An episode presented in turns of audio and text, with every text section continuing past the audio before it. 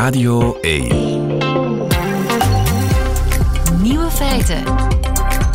Met Lieven van den Houten. Dag en welkom bij de podcast van Nieuwe Feiten van vrijdag 9 februari 2024 alweer. In het nieuws vandaag dat wie zijn grote boodschap op de Mount Everest doet, dat tegenwoordig ja, dat zijn uitwerpsel, het resultaat daarvan, voortaan mee naar beneden moet nemen. Inderdaad, elk jaar beklimmen meer dan 800 mensen de Mount Everest en sommigen doen hun behoefte in open lucht zonder nadien iets op te ruimen. En dat is een probleem, want door de koude temperatuur blijven die uitwerpselen daar bijzonder lang liggen. Naar schatting ligt er zo'n 3 ton tussen het onderste en het bovenste kamp op de berg. 3 ton! En daar wil de overheid nu paal en perk aanstellen. Onze bergen beginnen te stinken, zegt de voorzitter van het plaatselijk bestuur.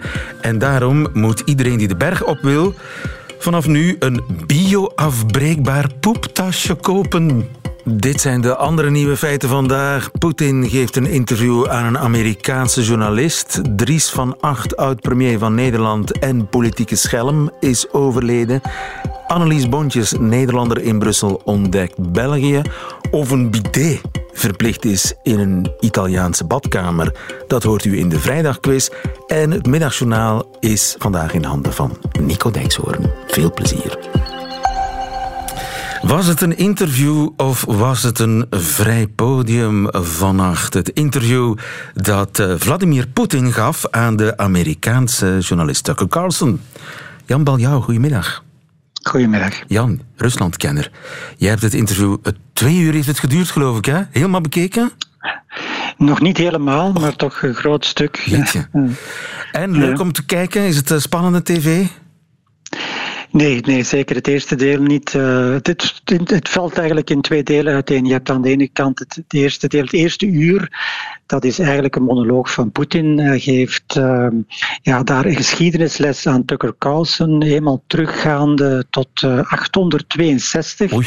Je moet je voorstellen, dat de, de, hele Russische geschiedenis passeert. En je ziet ook dat Tucker Carlson op dat moment helemaal de weg kwijt is. Hij totaal niet weet waarover Poetin het, het, het heeft heeft. En, en ook als Poetin het heeft over recentere gebeurtenissen, ja, dan merk je dat Tucker Carlson er uh, vaak uh, geregeld naast zit. Poetin spreekt bijvoorbeeld over Maidan in 2004 en dan denkt Tucker Carlson dat het gaat over de tweede Maidan-opstand in 2014. En, ja, en je ziet dat, dat Poetin daarmee eigenlijk de teugels in handen neemt van uh, dat gesprek of dat interview. maar dan in het tweede interview gedeelte... was het zeker niet. Nee, zeker niet. In het tweede deel van het gesprek, laten we dan zo noemen, um, begint Tucker Carlson dan toch wat vragen te stellen. Maar ja, kritische vragen komen daar zeker niet aan bod. Bijvoorbeeld over ja, de twijfelachtige redenen waarop, uh, waarom Rusland uh, Oekraïne, toch een soeverein land, is binnengevallen. Iets wat volgens het internationaal recht. Um, niet is toegestaan tenzij zelfverdediging. Uh, ook over de wijze waarop Rusland bijvoorbeeld oorlog voert, hè, met vele aanvallen op burgerdoelen. De moorden in Bucha, de vernieling van Mariupol, met duizenden doden. Uh, komt niet aan bod, geen vragen over de harde aanpak van kritische stemmen in Rusland, over Navalny, die voor tientallen jaren in de gevangenis zit. Zelfs geen vraag over de presidentsverkiezingen, die op 17 maart gaan plaatsvinden in Rusland. Ook niet over de rol van Boris Nadezhdin bijvoorbeeld, waar op het moment van van het interview um, vorige dinsdag toch wel wat discussie over was, ja. want uh, zijn kandidatuur lag toen ter goedkeuring bij de kiescommissie. Juist. We hebben het er nog over gehad, hè? Uh, over, over die uh, kandidaat, ja, opposant, die tegenkandidaat van Poetin, die nu niet eens mag meedoen. Dus echt een journalistiek interview was het zeker niet. Um, waren er verrassingen in wat Poetin te vertellen had? Of was het ja, wat we al duizend keer gehoord hebben? Verrassingen heb ik niet echt gehoord. Uh, ik denk wel dat het uh, goed is om Poetin eens uitgebreid bezig te horen over ja, wat zijn, hoe zijn logica in elkaar zit. Want ik denk dat dat iets is wat uh, in het Westen vaak uh, te weinig wordt gedaan. Dat uh, westerse leiders ook te veel opgesloten zitten in hun eigen logica. En dan soms stom verbaasd staan als ze geconfronteerd worden met die Russische logica, omdat ze die nog nooit hebben gehoord. En dat zag je ook in de reactie van Tucker Carlson, dat hij eigenlijk stom verbaasd was door ja, de bochten die Poetin nam in, in, in zijn logica, hm. omdat hij die ook nog nooit had uh, gehoord. Dus ik denk dat dat het wel eh, het, het, het, voordeel is van dit interview. Ja, dat je toch uh, een beetje inzicht krijgt in hoe die logica van Poetin in zijn hoofd in elkaar zit. En die logica komt erop neer dat Oekraïne eigenlijk van Rusland is. Ja, dat is duidelijk, heeft je ook duidelijk gezegd. Hè. De bedoeling is, uh, Rusland heeft zijn doel nog niet bereikt. Hè. Het, uh, het huidige bezet gebied is niet voldoende. Uh, hij heeft ook uitvoerig gesproken over denazificering. Um, dat is een codewoord van het Kremlin voor het vervangen van, het, ja, van, van de leiders in, in Kiev. Dus dat er denazificering betekent eigenlijk de installatie van een pro-Russisch bewind in Kiev. Een beetje naar het voorbeeld van van Wit-Rusland. En dat is het uiteindelijke doel. En de eigenlijke bedoeling van dit um, van dit uh, interview of dit gesprek, laten we zeggen, was om vooral de Amerikanen ervan te overtuigen dat dat ook voor hen een goede zaak is, want dan zou de oorlog stoppen. Um, dan zouden de Amerikanen zich kunnen bezighouden met hun eigen probleem, want dat is ook wat Poetin duidelijk gezegd heeft in het interview van ja, hebben jullie niets beters te doen? Hè? Jullie hebben problemen met migratie, met staatsschuld, 33 biljoen dollar staatsschuld. Uh, hebben jullie niets beters te doen dan te vechten in uh, Oekraïne? En daarmee legt hij natuurlijk de vinger heel, heel feilloos eigenlijk de, de, de, vinger op de pijnpunten die ook Trump in zijn campagne volop uh, aanhaalt. dus dit is eigenlijk bedoeld voor Amerikaans gebruik, dit interview. Want ja, de, de reden waarom het Westen Oekraïne wil steunen, is uiteraard principieel, maar ook omdat ja, als Oekraïne valt, bij wijze van spreken, dan zijn de Baltische staten de volgende aan de beurt, Polen misschien. Dat, dat is de redenering aan westerse kant. Ja, en dat ontkent Poetin dus uh, heel sterk. Ook in het interview zegt hij dat nee, er is absoluut geen sprake van dat we de NAVO zouden aanvallen. Polen zullen we alleen maar aanvallen als de Polen ons aanvallen. Um, maar natuurlijk, ja, Poetin is ook een gepatenteerde leugenaar. Uh, hij heeft uh, bijvoorbeeld toen de Krim, toen de Russische troepen op de Krim in actie kwamen in 2014, ontkende hij dat het Russische troepen waren. Ook de, in, de, de inmenging in Oost-Oekraïne, in de Donbass heeft hij altijd ontkend. Hij heeft ook de invasie van Oekraïne voor februari 22 uh, altijd ontkend, maar hij heeft het toch gedaan. Ja. Uh, en dus je gelooft dus ook vaak in.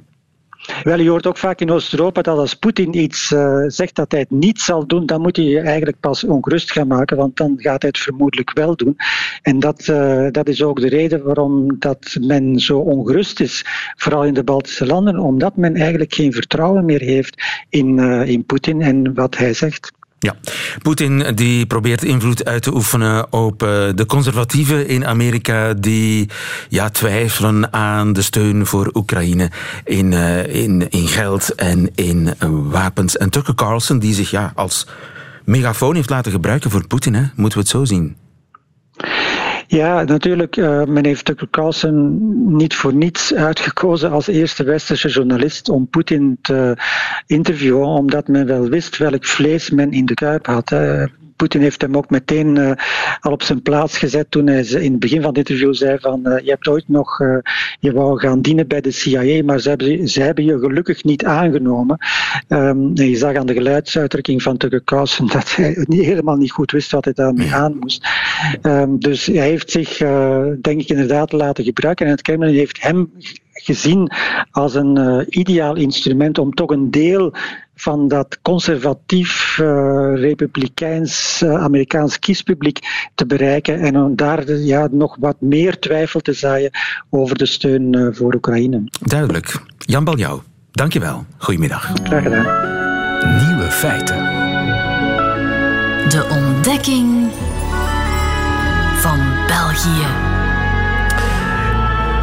En daar is ze weer. Ja. Annelies Boontjes. Hey, goeie. Het zonnetje in huis, Ah. het zonnetje in Brussel, waar jij nu toch al een paar jaar intussen woont. Twee jaar. Twee jaar. Ja. Als journaliste, het wordt nog wat. Je houdt het nog lang vol. Als eh, correspondent België voor een Nederlandse krant, namelijk Trouw. Ja. Wat heb je deze week ontdekt aan ons land? Het valt goed mee, zeggen mensen altijd. Of valt het mee als ik... Valt het mee? Ja. Enig, enigszins bezorgd? Ja, precies. Het valt mee. Eh, wat heb ik deze week ontdekt? Eh, nou, ik heb ontdekt dat alleen in Vlaanderen de Afrika Cup niet wordt uitgezonden. De Afrika. Ja, lieve, wil je zeggen dat bij jou de voetbalkoorts niet aanwezig is? Sowieso. Nooit. Het spijt me. Dat is oké, maar dat wordt natuurlijk mag ook toch, hè? versterkt. Je, je kan er niet Soms eens naar twijfel ik kijken. eraan of het wel mag, maar sorry, het- het- ik heb het geprobeerd. Nee. Ik vind het oké, maar het, het helpt natuurlijk niet dat je er niet eens naar kan kijken. Want dat wordt in Vlaanderen dus gewoon niet uitgezonden. En is dat zo vreemd? Ja, want in Duitsland kan je daar wel naar kijken. In Frankrijk, in het VK, in Nederland. ehm, maar Vlaanderen heeft ervoor gekozen om Wallonië? de Afrika Cup uit te zenden. Ja, de RTBF heeft de rechten wel gekocht. Ja, En dus in Vlaanderen is er geen enkele omroep nee, die de rechten heeft gekocht van de Afrika Cup. nee. En dat is toch wel echt jammer, want er wonen toch wel heel veel mensen in België, ook in Vlaanderen, die, die dat enthousiast volgen. Ehm, daar ben ik afgelopen week weer op geweest, want ik doe soms ehm, vrijwilligerswerk op een school hier in Molenbeek in Brussel.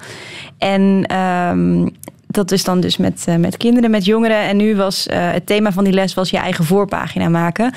En dus mochten die kinderen bepalen, dat is bij TADA trouwens, voordat ik het vergeet, hele leuke organisatie. En die kinderen die mochten nu bepalen wat er dan op de voorpagina van die krant zou moeten.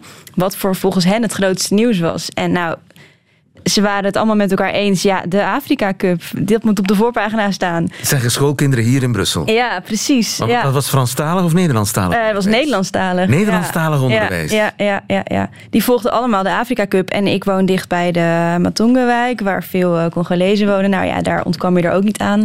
Eh, want Congo die is hartstikke ver gekomen. Die, Oh ja? ja, die doet het heel erg goed. Die, staan in de halve, die stonden in de halve finale. Die hebben nu net verloren helaas. Die gaan morgen nog spelen voor de derde, dan wel de vierde plek. Maar dat was groot feest. Dus... En ben je erachter gekomen waarom niemand in Vlaanderen die rechten gekocht heeft? Nou ja, de, de, de uitleg van de woordvoerder was eh, ja, dat er gewoon keuzes gemaakt moeten worden. En dat er wel online aandacht aan zou worden besteed. En eh, ja, maar goed, ook als je financiële keuzes moet maken. Je, je hoeft blijkbaar niet meteen het hele toernooi aan te kopen. Maar je kan ook de, de rechten voor bepaalde eh, wedstrijden aankopen. Dus je kan ook zeggen van oké, eh, nou ja, nu het toch al begint te leven, moeten we misschien toch eh, die halve finale of die finale uit gaan zenden. En ik ben niet de enige die dit vindt, want deze week ehm, dat het een beetje gek is. Want deze week werd er ook een oproep gedaan in de morgen door Nadia Nasaji, die columnist is daar. En die verbaasde zich daar ook over dat het niet werd uitgezonden. En die zei, ja, hoe mooi zou het zijn, ook symbolisch, als we nou die finale toch nog gaan uitzenden op groot scherm in Brussel. Eh, ja. Ja, die finale wordt zondag gespeeld. Nigeria tegen dat is wel Ivoorkust. snel. Ja, het, het Overmorgen. ja, ja hoe, hoe, hoe lang kost het om een, eh, om een scherm op te hangen? Ja. Dus eigenlijk wil ik haar oproep gewoon herhalen hier. Ik denk, eh, Ja, ik vind, ik vind het een mysterie waarom de hele wereld, enfin de hele wereld, de halve wereld naar die Afrika Cup kijkt en ook, ook Wallonië, Franstalig België naar die Afrika Cup kijkt en Vlaanderen niet. Ik vind het echt een mysterie. ja, en eh, bovendien, in meer dan de helft van de teams die meedoen, zit een speler die ook bij die van een Belgische ploeg komt. Dus ja, België is nogal vertegenwoordigd bij de Afrika Cup. Dus ja, hoe meer je erover leest, hoe gekker het is, eh, lieve. Oké.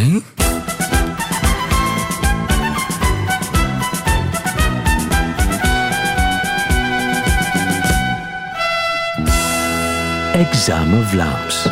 Ik dacht, ik heb het over trekken. Want in Nederland heb je de uitdrukking, ik trek het niet meer. Hè? Ja, Toch? ik hou het niet meer vol. Ik hou niet meer vol. Ja. Ik trek het niet meer. Ja, Maar niet zo error. pro- eh, w- is er iets mis met mijn R? nou ja, als jij mijn air probeert na te doen.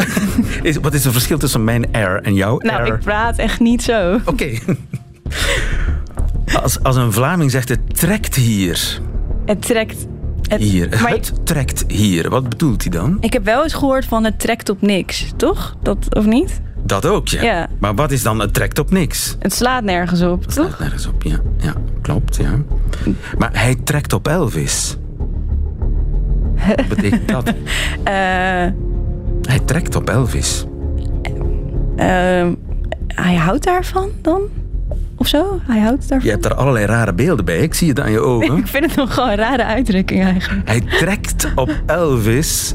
Betekent hij lijkt op Elvis. Oh, Want het trekt op niets. het is, lijkt het lijkt niets. nergens naar. Ja, shit. Deze had ik nog wel kunnen weten eigenlijk. Maar daarom hebben we nog geen antwoord op de vraag gekregen. Wat bedoelt een Vlaming als hij zegt: Het trekt hier? Eh, het lijkt Nee. hier. Ehm, het, ehm, het ruikt hier slecht. Het riekt hier. Trekt, riekt. Het, het, het riekt hier.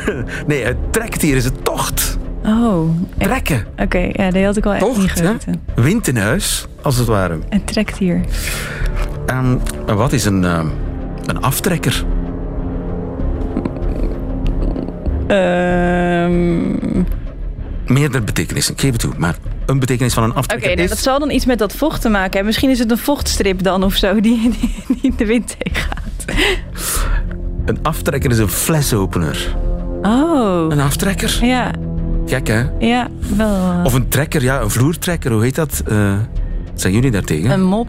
Een mop? Ja, maar met zo'n gummistang. Een mop is zo meer met... met Ja, een trekker. Een trekker. Voilà, een trekker. Dat wordt al heel snel een aftrekker Ja, in Vlaanderen. Ja. Naast een flesopener. Wat Oké. is een smoelentrekker? Een fototoestel. Je, je zei het heerlijk gedecideerd, maar Ja. is het niet? Om een foto te trekken, toch? Nee. Oh. Of foto trekken, ja, Toch, dat, heb je, goed. Maar een, smoel- een nemen, smoelentrekker is eigenlijk een, een zuurtje. Oh. Een snoepje dat zodanig zuur is dat je er een, gezicht smoel van bij... gaat trekken. Een smoel van gaat trekken. Oh, een smoelentrekker. Het ging vrij goed. Ah, dit was het? Oké, Ja. ik ben er vanaf.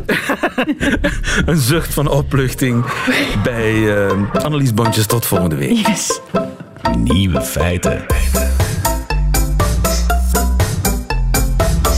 Radio 1.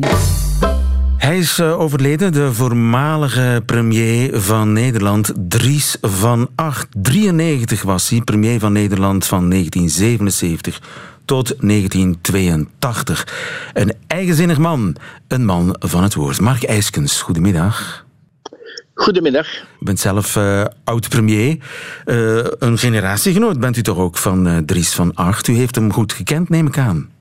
Ik heb hem zeer goed gekend. eh, trouwens, eh, ik denk dat hij nou een 93 eh, geworden was. Ik word er 91. Dus we behoren ongeveer tot dezelfde generatie. En ik heb hem vaak ontmoet op vergaderingen. In het raam van ook de Christen-Democraten. En ik heb hem ook eens bij mij thuis hier in Heverlee ontvangen. Was een bijzonder gezellige man. Een man van het woord ook, hè?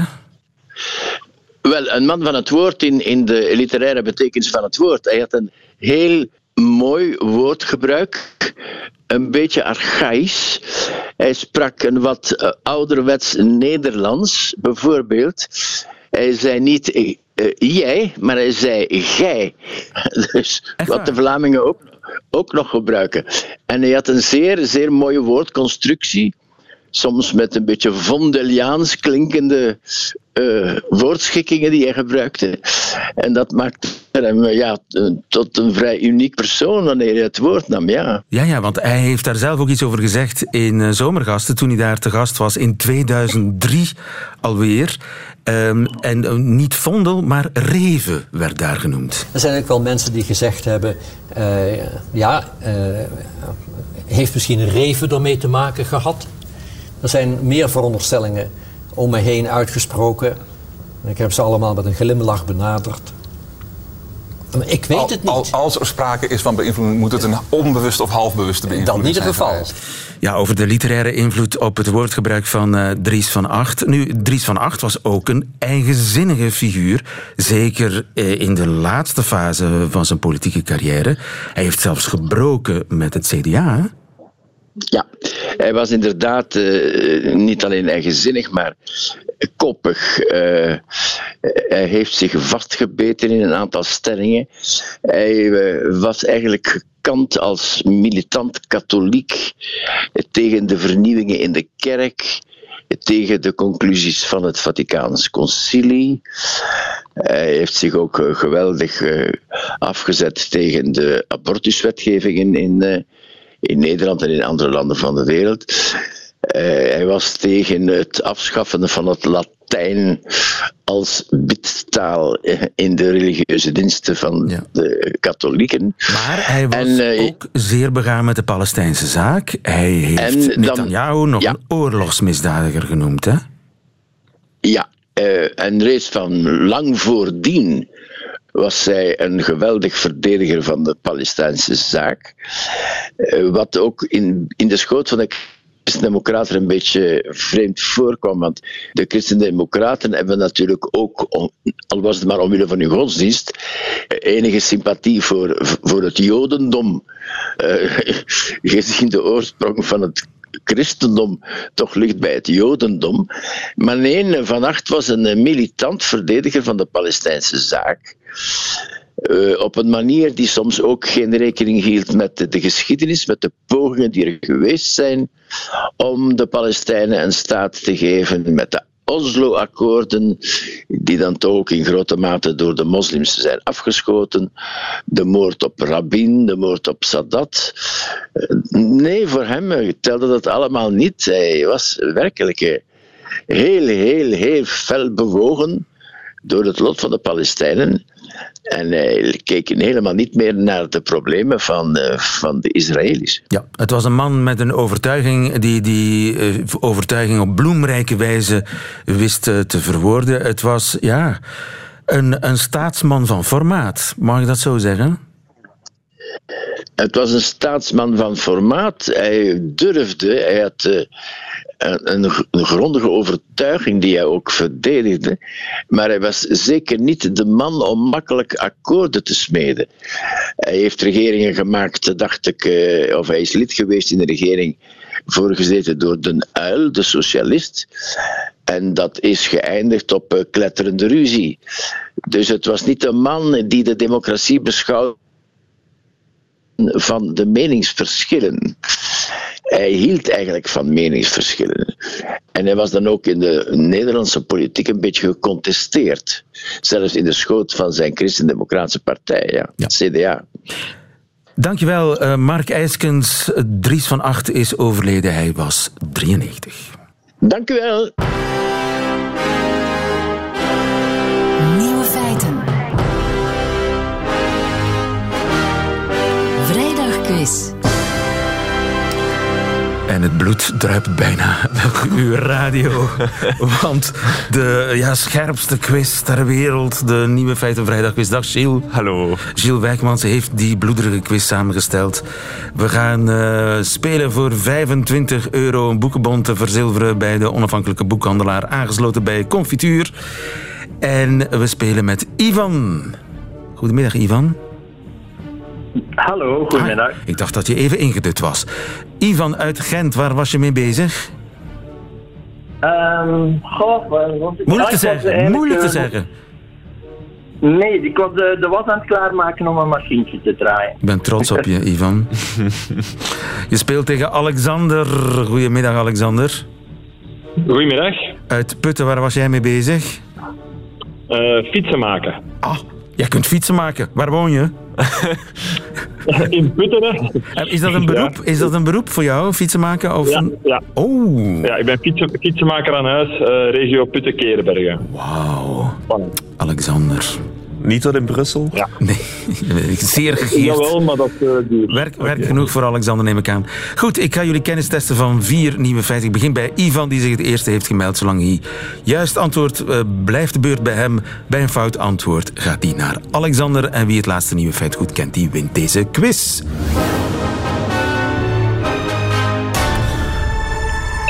Wat gebeurt er met sla in de ruimte? Hij wordt dodelijk. Je gaat ervan hallucineren. Of hij wordt lekkerder. Sla in space, als het ware. Wat gebeurt daarmee, Ivan? Hm. Die heb ik gemist. Ik ga moeten hokken. Eh, die wordt dodelijk. Die wordt dodelijk. Dat is helemaal goed. Ja, ik, ik beken wel enige overdrijving in deze. Maar het zit zo, sla heeft zoals de meeste planten eh, mondjes op de blaadjes. Daarmee nemen ze CO2 op, eh, stoten ze zuurstof terug uit. Maar wanneer er een gevaarlijke bacterie in de buurt is, E. coli, salmonella, dan sluiten die mondjes, want dan kan die bacterie niet binnen. Alleen in de ruimte door het gebrek aan zwaartekracht zijn die planten helemaal gedesoriënteerd, waardoor dat die mondjes de hele tijd open blijven en dus veel gevoeliger zijn voor een salmonella of een E. coli besmetting, wat in zeer extreme gevallen dodelijk kan zijn. Oké. Oké, maar Ivan had het goed.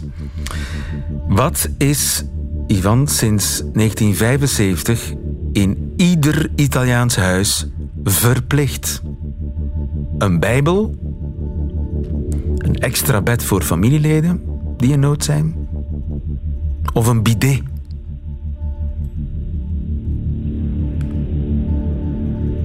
Ivan? Ja, ehm, een extra bed voor familieleden. Fout. Ja, je dacht die katholieke Italianen die eh, hebben alles over voor La Familia. Dat zal wel in de wet staan. Nee. Alexander, jij komt in de wedstrijd. Eh, ja, eh, ik, ik gok voor een bidet. Een bidet? Dat is helemaal goed. Eh, Italianen. Ja, dus in iedere badkamer, iedere Italiaanse badkamer, moet een toilet, een bad of douche, een wastafel en een bidet staan. En ik denk dat dat de beste wet is die ik ooit heb gehoord. Waarom? Of bidets zijn toch super, eh, superieur? Niet? Vertel. Ja, het is toch veel handiger om een bidet te, bidet te gebruiken. Waarvoor? Goedkoper er ook. Ja, waarvoor je een bidet gebruikt natuurlijk. Ik heb dat nooit geweten. Oké, propere mensen, die Italianen. Goed, vraag 3. Alexander, waar schrijven de Fransen tegenwoordig het liefst Engelse teksten? Op hun lijf? In liefdesbrieven? Of op toiletdeuren? Ehm, op uw lijf. Op hun lijf? Dat is helemaal goed. Spectaculair, Alexander. Dat is wetenschappelijk onderzocht. Eh, de onderzoekster in kwestie die heeft aan 602 mensen met textuele tattoos gevraagd in welke taal heb jij je laten tatoeëren. En dan blijkt dat 428 van die mensen... ehm, wacht, nee, sorry. Ja, de 428 van die mensen een Engelse tatoeage hebben.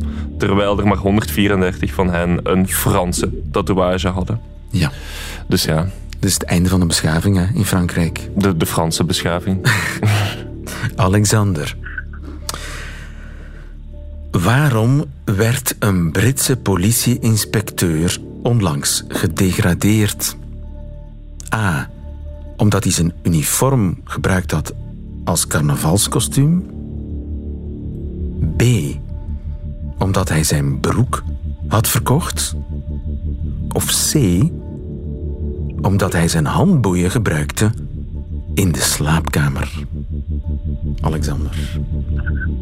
Eh, de handboeien. De handboeien. Fout. Ja, Ivan. Ja, ik denk dat hij eh, lustig carnaval vierde met zijn eh, kostuum. Nee, en dat betekent dat we een winnaar hebben.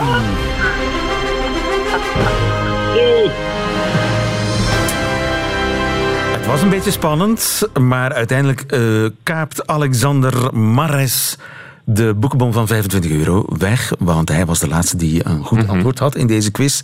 Want niemand wist het antwoord op vraag 4. Waarom een Britse politieinspecteur werd gedegradeerd. Omdat hij zijn broek had verkocht. Voor vier pond. Ja, het was een broek die hem zogezegd niet goed paste. En hij wilde plaatsmaken in zijn kleerkast. En die broek was voor alle duidelijkheid deel van zijn uniform. Er stond wel geen logo van de politie op of zo. Maar toch, politiemateriaal zomaar verkopen voor je eigen gewin is verboden. En dus werd hij gedegradeerd van inspecteur naar sergeant. Goed, eh, dat betekent dat we afscheid moeten nemen. Lege handen, Ivan van Wassenhoven, sorry. Volgende Niet keer dat, beter. proficiat Alexander. Proficiat. Alexander, weet je al wat je ongeveer gaat doen met je boekenbon van 25 euro? Hoogstwaarschijnlijk een reisgids. Een reisgids. Het is de tijd van het jaar, hè? En naar waar gaat de reis dan? Dat weten we nog niet. Uh, ja, Frankrijk waarschijnlijk. Ja, Midden-Frankrijk, La Rochelle, die kanten. La Rochelle, niks mis mee. Dankjewel, Alexander Mares. En volgende week is er weer een vrijdagquiz. Nieuwe feiten. Radio 1. En dat waren ze weer, de nieuwe feiten van vandaag, 9 februari 2024. Alleen nog die van Nico Dijkshoorn, die hebt u nog te goed. En die krijgt ze nu in zijn middagjournaal. Nieuwe feiten.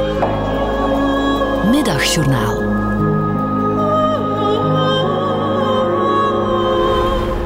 Beste luisteraars. Ik zou hier heel graag iets hebben gezegd over het interview van Tucker Carlson met Vladimir Poetin. Ik zou bijvoorbeeld hebben kunnen zeggen dat het net leek alsof je naar een interview keek met je oom Benny, die tijdens feestjes uitlegt dat de Tweede Wereldoorlog eigenlijk een schitterende tijd was en dat in zijn tijd iedereen met een lul gewoon nog een man was. Of ik had het kunnen hebben over het komende Songfestival, waar Israël glansrijk gaat winnen omdat ze van ieder land 12 punten krijgen en dat de zangeres deze prijs dan opdraagt aan alle overleden kinderen waar ter wereld ook, behalve in de Gazastrook. En daarna zingt ze nog eens het winnende liedje. Jekki, jekki, jekki, galus makka babeki. Wat betekent jeki, jeki, jeki, het was mij weer een weekie. Maar het lukt mij niet, luisteraars. Er is namelijk een postpakketje zoek. En niets raakt mij harder dan een verkeerd bezorgd pakketje.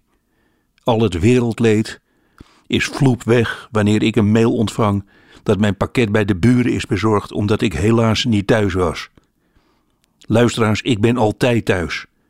Als er een pakketje wordt bezorgd, dan heb ik het gehoor van een herdershond. Ik herken mijn postbode inmiddels aan het geluid van de zolen onder zijn schoenen. Maar goed, lang verhaal kort. Mijn pakket ligt bij de buren van nummer 249 en dat is bijna 250 meter verderop.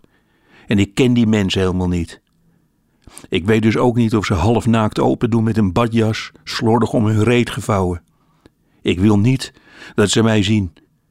Op de televisie leek het net alsof ik heel veel haar had en daarom doe ik alleen nog maar radio. Ik ben doodsbang voor de smalltalk met die buurman. Je bent namelijk weerloos. Ze houden jouw pakket onder hun arm en dan vertellen ze een verhaal over een bepaalde schimmelziekte die ze op hun rug hebben. En dan zeggen ze: Als mijn vaste hulp niet kan, zou u dan af en toe mijn rug in kunnen smeren met zalf? Luisteraars, laat ik gewoon eerlijk zijn. Daarom praat ik zo graag met u. Het is veilig. U kunt helemaal niets terugzeggen. Ik bepaal wanneer het klaar is. We laten elkaar met rust. We duiken allebei weer in ons eigen leven. En over een maand komen we elkaar pas weer tegen. Ik laat u nu alleen. Ik ga mijn pakket uitpakken. U hoort over een maand wat daarin zat. En daarna zult u nooit meer hetzelfde naar mij luisteren.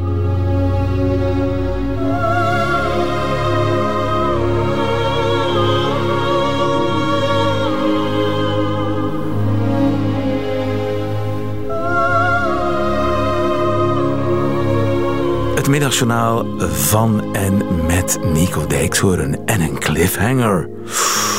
Wait and see next month. Einde van deze podcast hoort u liever de volledige nieuwe feiten met de muziek erbij. Dat kan natuurlijk elke werkdag live tussen 12 en 1 op Radio 1 of uitgesteld in de app van VRT Max. Tot een volgende keer.